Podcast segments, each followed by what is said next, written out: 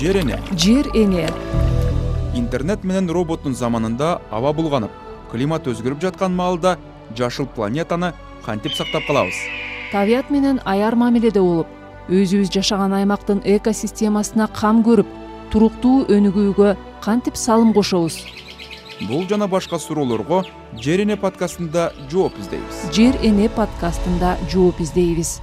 Азаттыктын подкасттарын apple google spotify аянтчаларынан жана азаттык чекит орг сайтынан окуңуз. Бишкектеги ар бир жаран орточо эсеп менен күнүнө бир жарым эки килограммга чейин таштанды чыгарат. Бул жылына ар бир бишкектик жети жүз килограммга чейин акыр чикир таштайт дегенди билдирет. Изилдөөлөргө таянсак кыргызстандагы таштанды талаалары беш жүз он алты гектар жерди ээлейт салыштыра келгенде бул баш каладагы спартак стадионунан жүз жетимиш алты эсе чоң дегенди түшүндүрөт.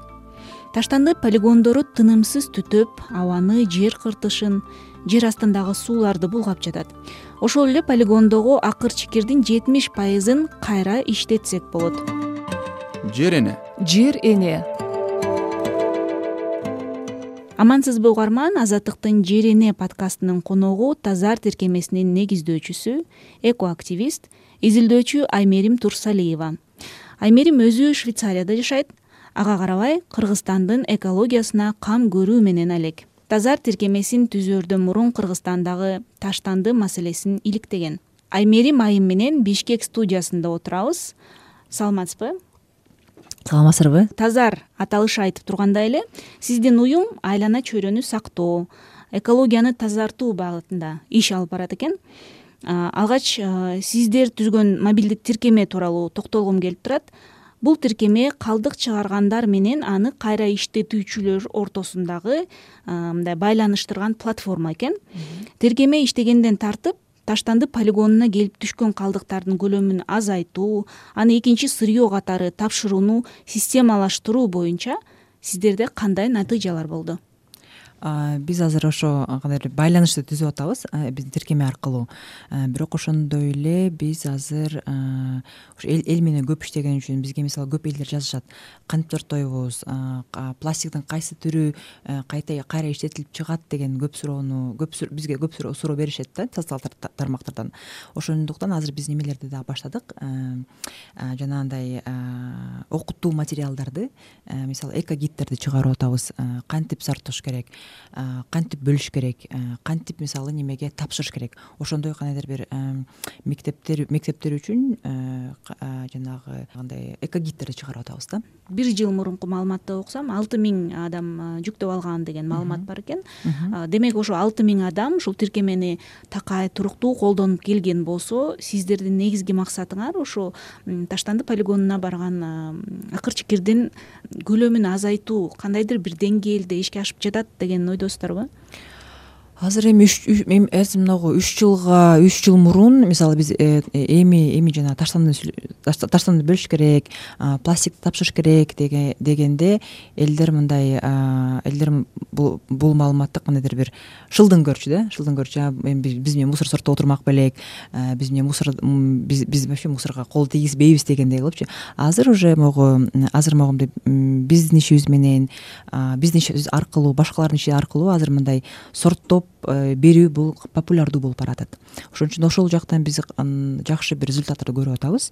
Ошондой эле тазарда биз аябай көп жанагы кайра иштетип чыккан фабрикалар жөнүндө дагы айтып беребиз. Элдерге айтып беребиз. Анткени элдер билбейт да булардын таштандысы каяка барып конот э кайсыл жерде бул иштетип чыгат. Ошондуктан биз маалыматты бергенде элдер бизге ишенет анан кийин болсо сорттоп башташат. Анан кийин болсо тазар аркылуу же болбосо башка платформалар аркылуу өз жанагы экинчилик сырье втор сырье экинчилик сырьесун тапшырышат. Демек биздин жарандар тазар тиркемесинин негизги максаты болгон ишке али даяр боло элек экен да. Азыр жөн гана экологиялык агартуу иштери жүрүп жатыптыр. Анан кайсы бир убакыттан кийин анан ошо бөлүп сорттоп анан өткөрүүгө э, жапатырмак киришет деген ойдосуздар э ооба азыр элдер уже сорттоп башташты э иреттеп чогулту иреттеп чогултушуп атат бирок бул мындай мындай биз эми эми сорттоп тапшыргыла деген деле болбойт да. Анткени элдерди үйрөтүш керек. Экинчилик сырье деген бул мындай татаал да. Мисалы пластиктин эле жети түрү бар пластиктин жети түрү бар. Мисалы полиэтилендин ар кандай түрлөрү бар э? Термоусадка дегендер бар э, жана жумшак полиэтилен бар. Айнекти алсак айнекти мисалы ак менен эле жашыл айнекти тапшырса болот. Мисалы күрөң айнекти тапшырганга болбойт. Анткени азыр аны кайра иштетүү жолдору татаалыраак да. Ошон үчүн ушунун баарын үйрөтүш керек да. Ушунун баарын үйрөтүп элдер билгенден кийин алар сорттошот анан кийин тапшырышат. Бирок бизде бишкекте биз үч жылдан бери иштеп атабыз. Бизде мисалы могундай элдер бизге жазып мына биз тапшырабыз каяка тапшырабыз дегендер элдер уже көбөйүп баратат. Мурда жөн эле маалымат сураса кантип сорттойбуз деп көбүнчө маалымат сурачу да. Кайсы пластиктин түрүн чогултабыз деп сураса азыр уже каяка тапшырабыз буну каяка тапшырабыз тигини тапшырабыз деп булар бизге уже мындай татаалыраак суроолорду берип баштады. Мурунда жөн эле пластик э, пластик анан кийин э, неме деп э, айтсак айнек кагаз картон десек азыр уже опасный отход опасный отходдорду каяка тапшырабыз деп элдер уже сурап баштады. Батарейканы каяка тапшырабыз жанагы компьютерди эмне кылабыз деген ушундай суроолор демекки биздин коом бул акырындап акырындап акырындап ушундай бир мындай жакшы бир сорттоо культурасына биз эми эми эми кирип баратабыз. Кичине жылыш бар бирок э, дагы жумуш дагы көп. Мен дагы ушу тазарт тиркемесин жүктөп алдым. Бул жакта баардыгы жөнөкөй экен. Түшүнүктүү анан ушул эко гид деген жакшы маалыматтар жазылган экен ушул сегиз килограммга чейин чогулткандан кийин анан атай унааны чакырып ошол жака өткөрүү мүмкүнчүлүгү бар экен. Деги эле ушул сорттолгон калдыктар кандай иштетилет? Анан жана алардан эмне иштетилип чыгат? Кайра иштетилип чыгат? Ошондо бизде э, бишкекте вообще кыргызстанда пластик э пластик баклажка э бөтөлкө баклажка жакшы иштетилип чыгат э, полиэтилен полиэтилендин түрү бар термоусадка деген э картон кагаз айнек баарын эле тапшырса болот. Буну бүт эле бишкекте иштетилип чыгат азырынча неме кабыл алуучу пункттар деле бар ошол жака барып тапшырса болот тазарга деле тапшырса болот. Бишкекте мисалы эгерде алсак бишкекте бул бытовой пластик деп коебуз. Жана шампуньдан чыккан жана ашкан из жуучу немелерден чыккан бул бытовой пластик деп коет. Ошо бытовой пластиктен биздин эле бишкекте баят жакта пласт кейжи деген бар. Ошолор дагара жанагы илгич вешалкаларды чыгарышып атат кумган чыгарышат булар. Көп нерсени чыгарышат. Терезелерден чыккан сынган айнектерди э, стекловолокно жасашат дагы. Ал бетонго кошот. Бул стройматериал жасашат э, бизде бишкекте вообще кыргызстанда кырктан ашык кайра иштетип чыгуучу жайлар бар. Көбү бул бишкекте анан ошто жайгашкан. Ушул тиркемени кыргызстандын э, кайсыл аймактарында колдонуу мүмкүн? Айыл жергесинде дагы ушул жайылтылып жатабы? Бул мобилдик тиркеме баардык жакта колдонсо болот экогидти колдонсо болот. Анан кийин болсо жанагы тапшырып берген жайлар э, таластан карап көрсө болот каяка барып тапшырса болот. Жалал абадда исфанада баарын ушул тиркемеге киргизгенбиз да. Бирок биз бишкекте гана иштейбиз анткени бизде бишкекте эле машинабыз унаабыз бишкекте эле. Бир эле унаабыз бар. Э, экинчилик сырьену үйдөн алып чыгуу сервис бул бишкекте эле азыр. Биз мисалы могу жаңы жерде сокулук жакта. Анан кийин мырзакей айыл өкмөтүндө какыр айыл өкмөтүндө баткендин өзүндө кичинекей моундай мектептерде жана экинчилик сырье алуучу жайларды ачып баштадык. Өткөн жыл э, бир жылдан бери азыр ошону азыр мындай кандайдыр бир көрүп атабыз тест тест кылып атабыз. Бул пилотный проекттерибиз ошо мектептердин ичине мындай э, инновациялык э, тапшыруучу жай жасап атабыз. Аяка мисалы неме окуучулар үйүнөн эле жанагы экинчилик сырьену сорттоп алып келишет. Алар бизге мисалы э, бир килограмм бөтөлкө баклажка алып келсе алар тандап алат да. Э, эки эки тетрадь алабы же үч ручка алабы же болбосо э, самын же болбосо байпак алса болот да. Ошондойлорду биз азыр региондордо азыр иштеп атабыз биздин ошол жакта биздин партнерлорубуз бар. Ошолор менен чогуу ушул модельди азыр иштеп чыгып атабыз азыр ошо үч мектепти азыр тест кылып атабыз. Ошто баткенде анан кийин сокулукта жер эне. Жер эне ушу пилоттук мектептерде кабыл алуу кандай болуп атат? Кызыктуучулар аябай көп. Мектепте мисалы кичинекей балдарга айтсаң бул кичинекей балдар мындай бат эле шыр эле кабыл алып кабыл алып эле шыр эле бизге бөтөлкөлөрдү ташып башташты да. Мисалы какыр айыл өкмөтүндө э, өткөн жылы октябрда ачтык э, сортировочный пространство деп э, балдар үчүн. Аларга айтсак алар дароо эле пластиктерди алып келишип анан кийин булар мынтип мектепке баратканда эле чогулта кетишет да мектепке баратканда эле жолдун бүт чогултуп туруп бөтөлкөлөрдүн баарын анан кийин бизге тапшырышат. Тапшырып анан кийин аяка упай алат же болбосо жанагындай эме неме байпак э, калем сап алышат. Бир эле айдын ичинде балдары көрсө айылды тазалап коюптур. Айылдын ичин тазалап анан кийин тиги анан кийин тиги талаалап талааларга барып ошол жактан чогултуп чогултуп чогултуп алып келип атат да. Ошо мектепке алып келип атат. Э, же болбосо э, билбеген билбегендиктен булар еще бөтөлкөлөрдүн ичинде алып келсең ичинде дагы жарым кымыз бар же жарым айран бар же жарым сүт бар э. Ошентип бул билбегендик да. Анан айтабыз анан буну барып жууп кел анан кийин жууп анан кайра алып кел деп ушинтип акырындан акырындан үйрөтүп атабыз да. Бирок эң биринчи кабыл алганда балдар ичинде дагы жанагы ичинде нан деле бар булочкасы эле конфет деле бар ушинтип мынакей мен пластиктерге алып келдим деп эле ушинтип тапшырыптыр да. Ошентип бир бир жума э, неме кичинекей компост ачканга туура келди. Чогултуп келгени бул уже жакшы да анан кийин просто үйрөтүп коюш керек кантип тапшырыш керек? Сонун. Жергиликтүү бийлик сиздерге колдоо көрсөтүп жатабы? Сиздер кайрылдыңыздарбы? Кызматташуу сунуштарын киргиздиңиздерби жергиликтүү э, бийлик менен ооба аларга э, ушундай мектептер менен иштеп баштаганда э, биз жанагы мырзаке айыл өкмөтүнө кайрылдык. Баткен баткен айыл өкмөтүнө акимиятына кайрылдык. Ушундай жаза эле ушундай ушундай жакшы эле болуп жатат. Пилоттук проекти жакшы эле өттү. Ошондуктан башка мектептерди дагы киргизели десек булар булар баардыгы эле макул. Баардыгы эле макул. Баардыгы эле ошондой жасагысы келет. Бирок бирок анын системаны куруп чыгыш керек да. Системаны именно тазар барып ушу системаны куруп чыгат. Кантип берилет? Таштанды каяка коюлуш керек? Анан кийин еще эң э, маанилүү нерсе бул бул жерде ошол ошол мектеп менен э, кайра иштетип чыккан фабрика менен завод менен буну экөөнүн ортосунда байланыш. Мындай ошту деле карасак таласты карасак караколду баары бар. Просто ошонун баарын бири бири менен мындай системалдаштырып бересиздер э? Системаны түзүп баарын бири бири менен тааныштырып мына бул переработка жасайт силерде пластик бар э, мына булар э, пластиктен ой булар бөтөлкөдөн э, флекс чыгарышат деп ушинтип баарын мынтип баарын баштарын кошуп чыгыш керек да ошол боюнча тазар э, акыркы жылдары акыркы бир жыл көп ишти алып барып атабыз пилоттук сиздердин э, долбоорго кирбеген айыл өкмөттөрү кайрылып ушундай система бизге куруп бергиле деп кайрыла алышабы? Кайрылышат. Бирок бизде командабыз кичинекей да командабыз кичинекей тилекке каршы баарына барып ушул системаны куруп бере албайбыз.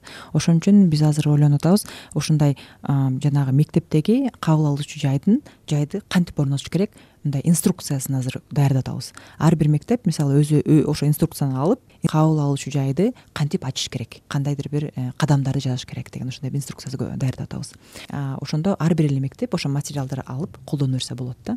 Анткени бизде командабыз кичинекей биз жетише албайбыз да. Ошон үчүн ушундай материалдарды чыгарып элдер менен бөлүшүп атабыз азыр.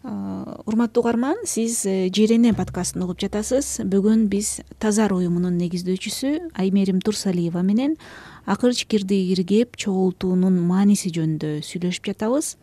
Негизи тазар уюму кыргызстандагы таштандыны кантип туура бөлүштүрүү кайра иштетүү багытында изилдөөлөрдү да жүргүзүп келет экен таштанды бул киреше булагы аталган изилдөө дагы жарыяланган. Ушул изилдөөнүн маалыматына таянсак күнүнө он миллион сомго чейин ушул кайра иштетүүчү ишканалар киреше таба алат деген маалымат бар.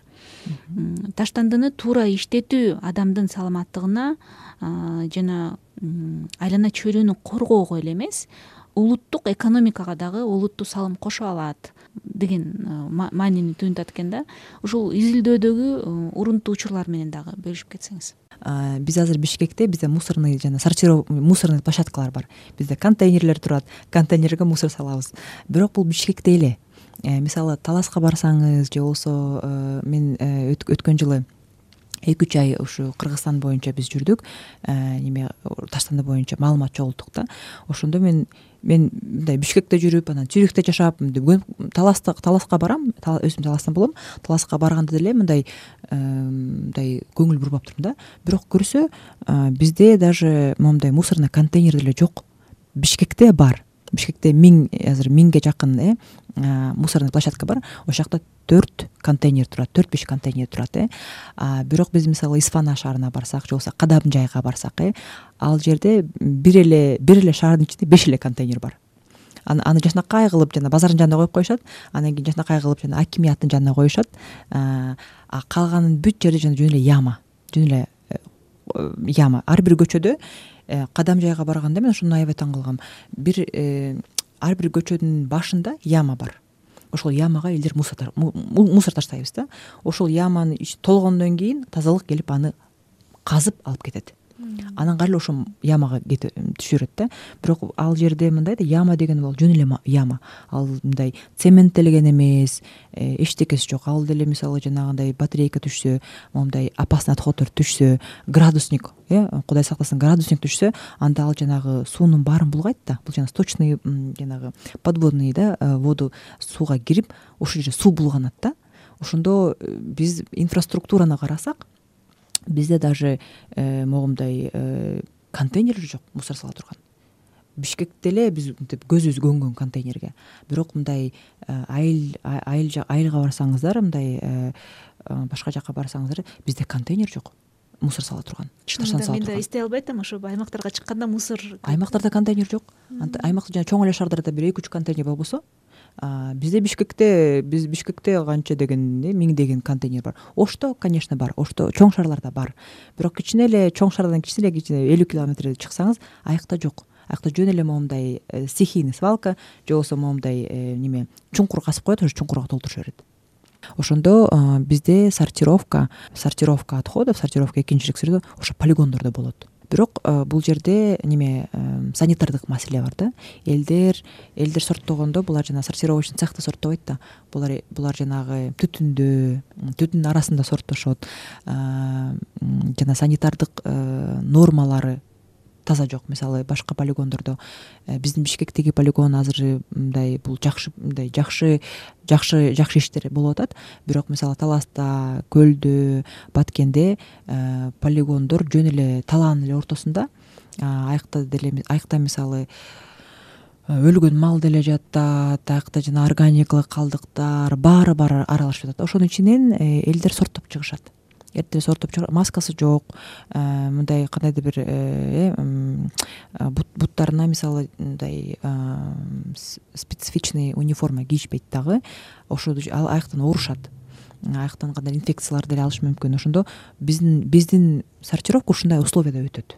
Анткени биз бизде шаарда система жок да сортировка. Ошон үчүн биздин калдыктарды биз үчүн башкалар сорттошот электронный отходко отход жөнүндө сүйлөшсөк батарейкалар мисалы чогултуп аны иштетип чыкса болот. Бирок бизде андай неме бизде андай завод жок. Мисалы көп электронный отходдорду биз чогулткандар булар россияга алып барышат. Сиз азыр эле айтпадыңызбы ушу кооптуу калдыктар жөнүндө? Бизде көп болуп жатат. Кайсыл мамлекеттик мекеме ушул маселени көтөрүп колго алып кандай кадамдарды жасашы керек? Балким ошол электрондук тамекини алып келген компанияны кайра иштетүүгө кандайдыр бир э, шарттарды байлап милдеттендириш керекпи же кандай сунуштарды айтат элең бизде мындай бар да роб деген да расширенная ответственность производителя. Ошол закон иштеп баштаганда мисалы ким э, ошондой калдыктар чыгарса булар өзү өз мойнуна алышат да ошо утилизация утилизационный сбор. Бизде бирок ошол иштебейт азырынча. Бизде жана wastenet деген аябай сонун э, неме бар платформа wastenet ошол voicenet азыр ошо робту э, алдыга алып чыгып атат. Ошол закон кабыл алынсын деп э, азыр көп э, иш чаралар жүрүп атат. Ошол закон кабыл алынганда ошондо ар бир жанагы таштандыны чыгарган мекеме уюм өзү утилизационный сбор төлөш керек.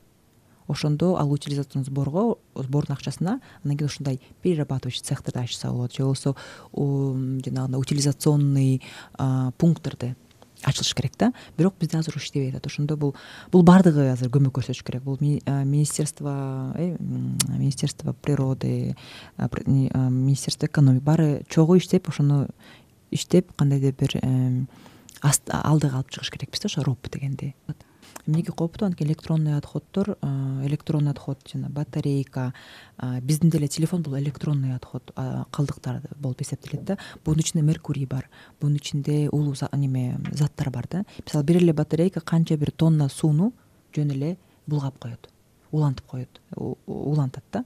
Ошон үчүн э, электронный отходдун ичинде улуу заттар бар ошо ошо улуу заттар э, жанагы общий э, биздин жанагы калдыктар менен полигонго түшпөш керек. Алар аларды өзүнчө сорттоп чогултуп өзүнчө башка бир мекемеге бериш керекпиз. А биз азыр баарын эле бир арага тотпойбузбу жер эне. Жер эне. Анда ушул угармандарыбызга айтып кетсеңиз бишкекте же аймактарда кайсы жака кайрылып э, ушул электрондук калдыктарды өткөрүү мүмкүн электронный калдыктарды азыр өткөрүү э, тилекке каршы мүмкүн эмес. Бирок батарейканы ар бир жерде азыр өткөзсө болот. Куликовскийде же болбосо жанагы бишкек петролиумда деле өткөрсө болот экен. Көп жерде өткөрсө болот. Бирок бул батарейка эле. А калган калган калганда мындай бир неме жок азыр? Гайдлайн жок норматив жок. Каяка алып барабыз кимге чалабыз деген ошонун үстүндө биз дагы азыр иштеп атабыз да. Ошондо маалыматты биз деле чогултуп атабыз бул эл менен иштөө да эл менен иштөө. Мисалы азыр тазалык же болбосо мэрия алар немени коюп коюшуп атат жөн эле моундай инфраструктураны. Бул дагы жакшы. Бирок бирок ошол инфраструктураны коердун астында эл менен иштешип чыгыш керек. Эл менен бир эле айтып мынакей азыр эртең ачылат сорттогула деп койгон болбойт. Эл деген ага түшүнбөйт ага. Эл менен бир ай эки ай иштеп үйрөтүп мисалы жанагы анан кийин койгон коюш керек да. А биздикилер жөн эле коюп коюшуп атат дагы анан кийин карасак эле ошол эле бөтөлкө бөтөлкө пластик деп жатып турбайбы. Бул мындай мурун кайра эле ошондой мусорный контейнер болуп калып атат да. Сиздердин уюм ушу бир эки күн мурун эле тигүү цехтеринен чыккан калдыктар тууралуу да изилдөөнүн жыйынтыгын жарыялады. Маалыматка ылайык бир күндө элүү тонна кездеменин өнү э, кийим кече тигүүгө кеткен материалдардын калдыктары чыгып он тоннага чейин таштанды полигонуна жөнөтүлөт деп жарыяланды. Анан ортодо суроо жаралып атат ушул э, элүү тонна күнүнө чыкса он тонна полигонго жетсе ортодо кырк тонна кездеменин өнү кайда кетип атат. Бизде бишкекте э, миң миңге жакын цехтер бар чоңу кичинекей цехтер бар. Бирок көбүнчө бул кичинекей цехтер тигүү цехтер полигонго жеткизгендер дагы бар жеткизбегендер дагы бар. Жөн эле барып э, талаага төккөндөр дагы бар. Бирок полигондун э, полигон бир күндө сегиз сегиз сегизден он тоннага чейин эле утилизация кыла алат полигонго жеткен булар туура жолунда утилизация жасашат полигон. А полигонго жетпегендер бар да полигонго жетпей калганы жөн эле жана талаага талаага төгүп коюшат. Же болбосо орто жолдон булар сатып жиберишет мисалы бизде бишкекте өткөн жылы э аябай көп немелер чыкты. Баня жагабыз үйдү жылытабыз жанагы жаңы жаңы конуштарда э жаңы конуштарда мисалы үйдү кышында үйдү ошол менен жылытышат ошон үчүн бул ушинтип тарап кетет да полигонго жетпей эле тарап кетет бул деген. Андан кийин болсо алар күйөт. Анан кышында бул жанагы биз айтып атпайбызбы бишкекте абанын абанын сапаты өтө начар депчи кышында. Бул ушу текстильный отходдор бул ошо кандайдыр бир абанын абанын жаман булганышынын. булганышына дагы бир бир себеби болуп эсептелет апсайклинг бул кездеме өндөрүнө экинчи жашоо берүү ооба. э, э биздин э, мисалы жамачы. деле жамачы. Же болбосо баягы курак деле ошол философиядан э. Ооба ооба. Апсайк биз англисчеси апсайклинг бирок биздин мындай жалпак тилде айтсак бул ошо курак же болбосо жамачы деп түшүнсө болот. Ошол апсайклинг бул ошол жамачы жамачы культураны кайра киргизиш керекпиз бизге бул бул нерсе бизге өтө эле жакын. Биз мисалы европада же болбосо америкада булар аябай алыстап алыстап кеткен. Бизде мисалы менин апам э, байпак жыртып тааза болбой калганда ыргыткан киши да. Бизде баскыч баскыч биринчи э, бир жамаачы болот. Анан анын үстүнө экинчи жамаачы анан кийин таманын такыр алып салып үчүнчү жамаачы кылып анан биротоло ыргытмай да. Ооба ошондо ошо ошону биз алыс ошого кайра келиш керекпиз да. Мурун болчу биздин бала чагыбызда ооба ошого кайра биз кичине алыстап баштадык бирок бизге азыр кайра келген оңоюраак. Биз аны унутуп элекпиз даже сиз айтып атасыз э, ушундай ушундай депчи мен дагы айтып атам апамдын депчи ошон үчүн а бирок биз ошондой жасабасак биздин балдарыбыз мисалы унутуп коет. Жамаачы дегенди түшүнбөй калат да. Ошон үчүн биз дагы ошону кайра кайра ошо жама- жамаачы жамаачы маданиятын кайра алып келип кайра жанагындай э, жамап кайра башкача тигип э, мындай кездемелерди көбүрөөк колдонуш керекпиз да. Жанагы массовое потребление. Ошодон алыстап кайра жанагы сарамжалдуу рациональное потребление келиш керекпиз жанагы жана- биз сүйлөшүп аткан жанагы иргеп иргеген переработка деген бул жакшы. Бирок андан дагы жакшы нерсе бул сарамжалдуу колдонуу рациональное потребление. Азыраак алыш керек э, көп албаш керек жамап коюш керек. Рациональное потреблениега өткөн бул жанагы э, сорттоо маданиятынан дагы жакшы нерсе. Калдыктар фестивалин өткөрүүгө дайынданып жаткан чагыңар жана бул фестивалдын алкагында эмнелерди өткөрөсүздөр? Бул он жылдан бери келаткан фестиваль. Бул жылы э, фестивалдын аты бул булганууларга кандайдыр бир башкача бир көз караш аты анткени биз булганууларды биз э, таштандылар жөнүндө кандайдыр бир башкача бир э, дискуссия кылабыз да. Жыйырмадай э, сүрөтчүлөр келиатат азыр ке- азыр бишкекке келишти. Нью йорктон келди амстердамдан келди швейцариядан келишти э, кыргызстандан келишип атат. Э, казакстандан келип булар жанагы ошо ошо таштандыдан булар жанагы инсталляцияларын жасашып атат. Ошол ошол инсталляцияларды сиздер бешинчи октябрда э, галерея дубовый паркта көрсөңүздөр болот көргөзмө менен ачылышы болот. Андан кийин болсо ошол ошол эле сүрөтчүлөр менен чогуу биз э, бишкекте таштандынын музейин ачабыз. Азыр азыр пока билине элек кай жерде? Бирок ошо таштанды музейинин ичинде биз ошо бишкектеги жүз жылдык э, таштандынын тарыхын чагылдырабыз да. Аймерим айым сиз өзүңүз швейцарияда иштеп кыргызстандагы экологияны жакшыртуу багытында тынымсыз иш алып барып келесиз. Швейцария экологиялык көрсөткүчтөр жагынан дүйнөдө алдына эч кимди чыгарбайт экени белгилүү. Бир кезде кыргызстан экинчи швейцария болот деген таттуу кыялыбыз бар эле. Кыргызстандын шартында кандай идеяларды ишке ашырсак болот деп ойлойсуз бул эми э, таттуу кыял бирок бул э, таттуу кыял болгондо деле бул э, мындай ишке ашырыла турган иш деп ишенем. Муну ишке ашырса болот. Жөн эле кыялданбай э, муну ишке ашырып э, экинчи швейцария кылсак болот. Бирок кыргыз э, экинчи швейцария дегенде мындай э, мен кичине чучалап кетем. Биз эмнеге экинчи швейцария биз- кыргызстанбыз депчи. Бул кыргызстан бул экинчи швейцария эмес. Бул биздин өзүбүздүн өзгөчөлүгүбүз бар. Биз деле жакшы деңгээлге жете алабыз деп ишенем ошон үчүн а, бирок швейцариядан көп нерсени үйрөнсө болот. М, таштанды боюнча деле а, мисалы э, булар булар жанагы тоолорун же болбосо токойлорун кантип сактап калып атат. Ошо булар буларда аябай жакшы идеялар бар да. Ошолорду үйрөнсөк болот швейцариядан анан швейцариядагы еще бизге мындай окшош жер экен да. Э, аны бекеринен айткан эмес экен. Э, бизге өтө окшош. Э, алар дагы бул ал дагы тоолуу өлкө.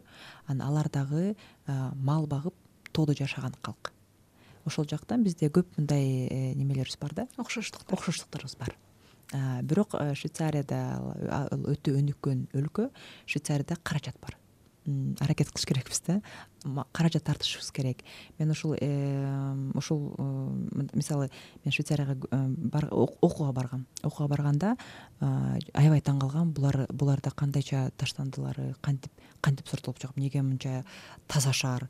Булар ушу культураны кантип курушту? Бул ушу маданиятты кантип куру- ку- курушту деп аябай изденгем да. Аякта барып жанагындай перерабатывающий цехтерин көргөм мусорду кантип сортировка кылат каяка эмнени бөлөт ушунун баарын карап отуруп анан ошо бул дагы кандай бир неме болгон түрткү болгон тазарды ачканга. Биз аябай көп сүйлөйбүз бирок бизде моундай решениялар аз да. Точный план жок да биздечи жөн эле сүйлөп сүйлөп сүйлөп анан калып калат да барычы. А швейцарияда булар сүйлөшөт сүйлөйт дагы ишке ашырат. сразу ишке ашырат.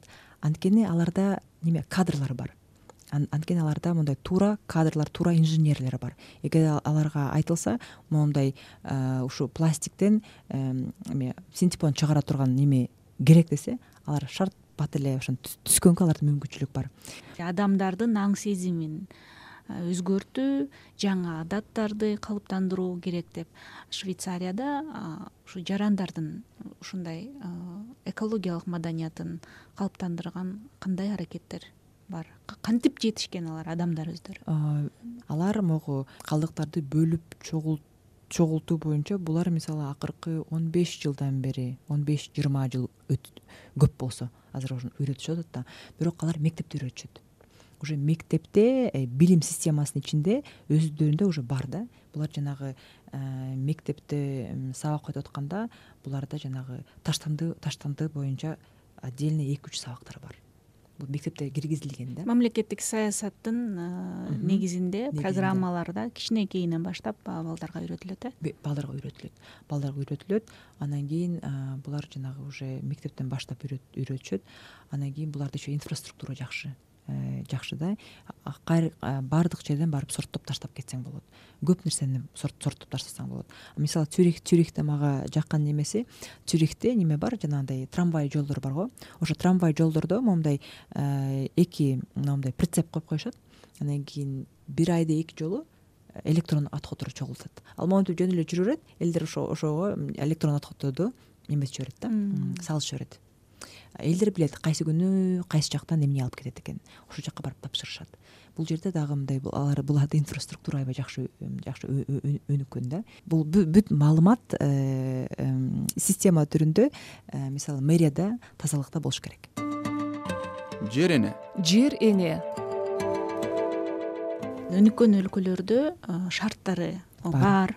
деп айтып атасыз. Бирок биздин өлкөнүн шартын эске алганда ушул эле экология маданиятын калыптандыруу боюнча сиз айткандай эле э, билим берүү министрлигинин программасына ушуну э, жаштайынан балдарга үйрөтүш керек деген норманы киргизип э, окутуп баштоо үчүн анчалык көп шарт деле кереги жок да. Ооба.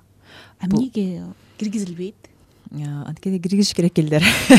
Ошо биз азыр тазарда ушундай жанагы айтып атпаймынбы кырк беш мүнөттүк сабак даярдадык даярдадык. Эми азыр ошону азыр азыр бүтүрдүк.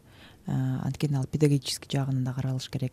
Ошону азыр биз э, колубузга көтөрүп э, билим министрлигине алып барабыз сунуштайбыз. Бул маалымат жанагы бизде мен мектепте окуганда жанагы биология деген бар болчу э. Анан география кыргызстана деген бар э сабактар. Ошол сабактардын ичине китептин ичине кириш керек да. Бул мисалы швейцарияда ошо китептердин жанагы биология природоведение дегендердин китептердин ичинде бул а бизде ошол жок болуп атпайбы биз анткени биздин китептер эски. Биздин көп китептерибиз эски. Ал дагы бир немеси ал дагы одна из причин. Бирок аны мисалы отдельно ачык сабак кылып өткөзсө болот да. Мисалы бир жылда э, бир ачык сабак өтсүн.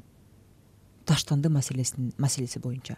Ошо бир сааттын ичинде ачык сабактын ичинде ушул биздин эле материалдарды кырк беш мүнөт материалды колдонуп өтсө бул аябай чоң салым болот. Бул аябай чоң салым болот. Бир жылы жанагы жыйырма экинчи апрелде день земли деп коет го жер эненин күнү.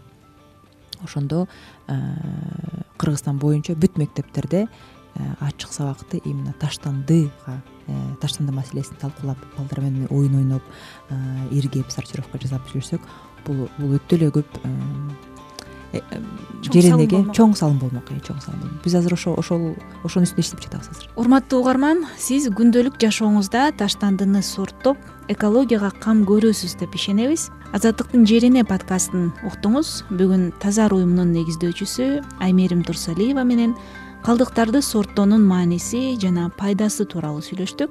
Подкастты мен салтанат адылбек алып бардым. Эсен туруңуз. Рахмат чоң жер эне. Жер эне.